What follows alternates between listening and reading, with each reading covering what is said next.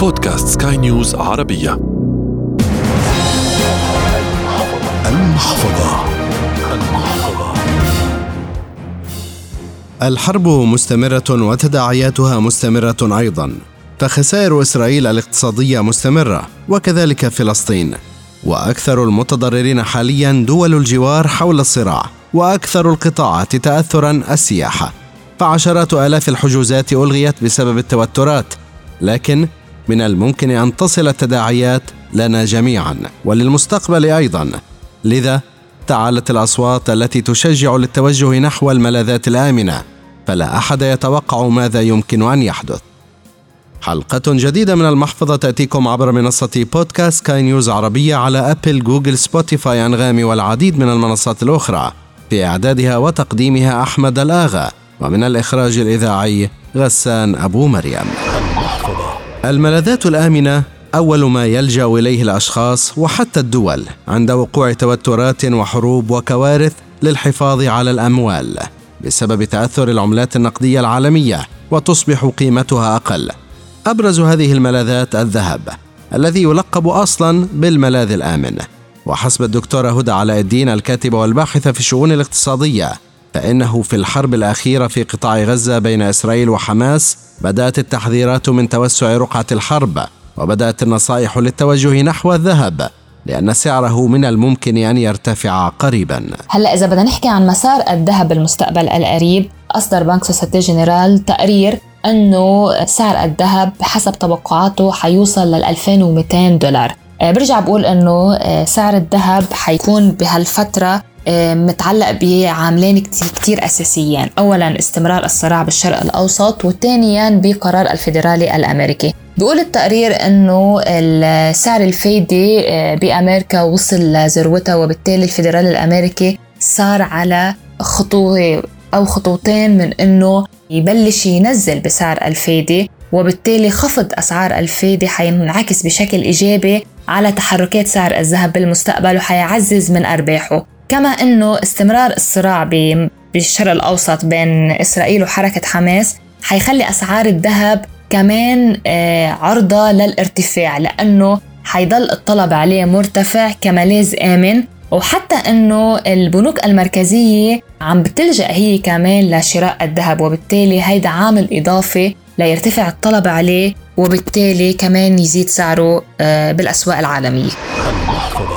دكتورة لماذا المعادن يلمع بريقها وقت الأزمات وتكتسب صفة الأمان؟ غالبا ما تشكل المعادن النفيسة مثل الذهب والفضة والبلاتين ملاذات آمنة خاصة بوقت الأزمات هذه المعادن عندها خصائص معينة بتخليها جذابة للأفراد وللمستثمرين لما بيصير في حالات من عدم اليقين الاقتصادي والمالي وحتى الأمني والعسكري خصائص هذه المعادن بتخليها تضمن لصاحب الاستثمار فيها أنه يحافظ على قيمة أمواله لأنه قيمتها المادية ما بتخف مع مرور الوقت. آه، كما أنه الطلب على هذه المعادن عم بيكون طلب مرتفع خاصة خلال هالأزمات اللي عم نشهدها خلال السنوات الماضية. فالمستثمرين عم يلجأوا للذهب خصوصا كملاذ آمن وأصل استثماري بخليهم يحافظوا على قيمة أموالهم ضد أي احتمال أنه ممكن يخسروا هن هيدا الأموال. فعم بيكون الذهب هو وسيلة تحوط ضد المخاطر. طب دكتورة هدى غير الصراعات الموجودة حاليا في العالم يبقى سعر الذهب مرتبط كليا بالاقتصاد الأمريكي والدولار بالتحديد. ولهذا رأينا تحركات في سعر الذهب خلال فترات رفع الفائدة من قبل الفيدرالي. وأيضا سيتأثر في القريب بسبب وقف الفائدة أو حتى البدء بتخفيضها. مؤخرا عاد الذهب بقوة على الأسواق المالية. الصراع بالشرق الأوسط آه، رجع عمل مثل حركة ديناميكية بأسعار الذهب. منه واضح لحد الآن مسار الذهب بالمستقبل لأنه في أكثر من عامل عم يضغطوا على سعر الذهب غير الصراع الإسرائيلي عنا استمرار ارتفاع التضخم. لازال معدلات التضخم أدنى من المعدلات يلي عم تستهدفها البنوك المركزية. الفيدرالي الأمريكي كمان بعد ما حدد سياسته كرمال سعر الفايدة المستثمرين دايما بحالة قلق هن دايما عم ينتظروا قرار الفدرالي الأمريكي إذا هو حيستمر برفع الفايده اللي عم يستعملها كسلاح لمحاربة التضخم أو إنه حيوقف رفعها وحيسبح أقله إذا ما بده يخفضها أقله إنه يثبت مساره. لأنه نحن بنعرف إنه دائما في عم بيكون علاقة عكسية بين رفع سعر الفايده وبين الذهب. كمان البيانات الاقتصادية الأمريكية ما عم بتكون ستيبل وبالتالي دائما في مخاوف عند المستثمرين إنه ممكن يصير في ركود اقتصادي. هيدي المخاوف تلقائيا بتخلي في ارتفاع طلب على الذهب لأنه المستثمرين بهذه الحالة بيلاقوه هو الملاذ الآمن ضد أي تذبذب سواء بالدولار بسعر الفايدة بالتضخم باستمرار الصراعات العسكرية. فالمدخل الوحيد لحماية الأموال بتبقى بالاستثمار بالذهب.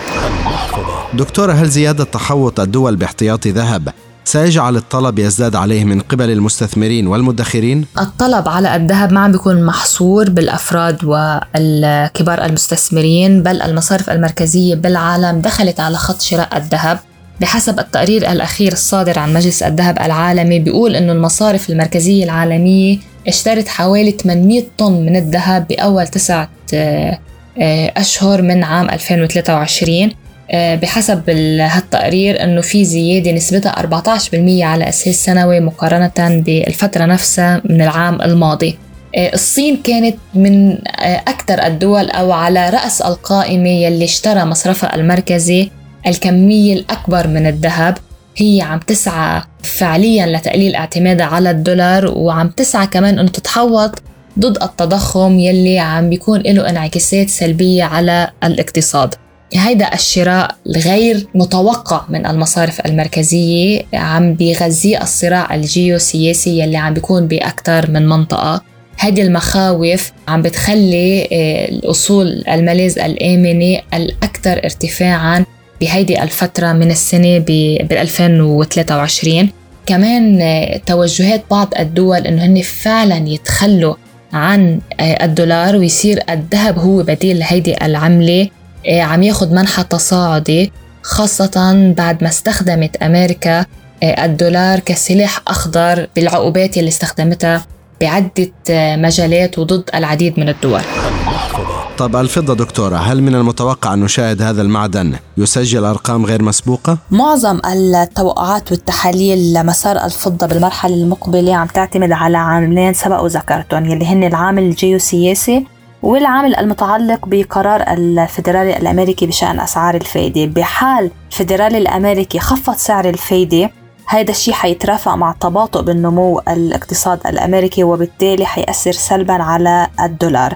مجرد ما الدولار يصير فيه حالة من التذبذب أو الانخفاض الفضة كمان حيكون بحالة عكسية. حيشهد ارتفاع بسعره وارتفاع بالطلب عليه.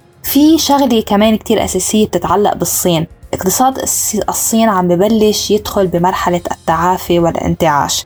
إذا هيدا الانتعاش كفى بمسار تصاعدي بالصين في كتير أسواق ناشئة وفي صناعات كتيرة تتطلب أنه إدخال معدن الفضة بعملية التصنيع والإنتاج وهذا حيكون عامل أساسي إضافي كمان لرفع الطلب على الفضة.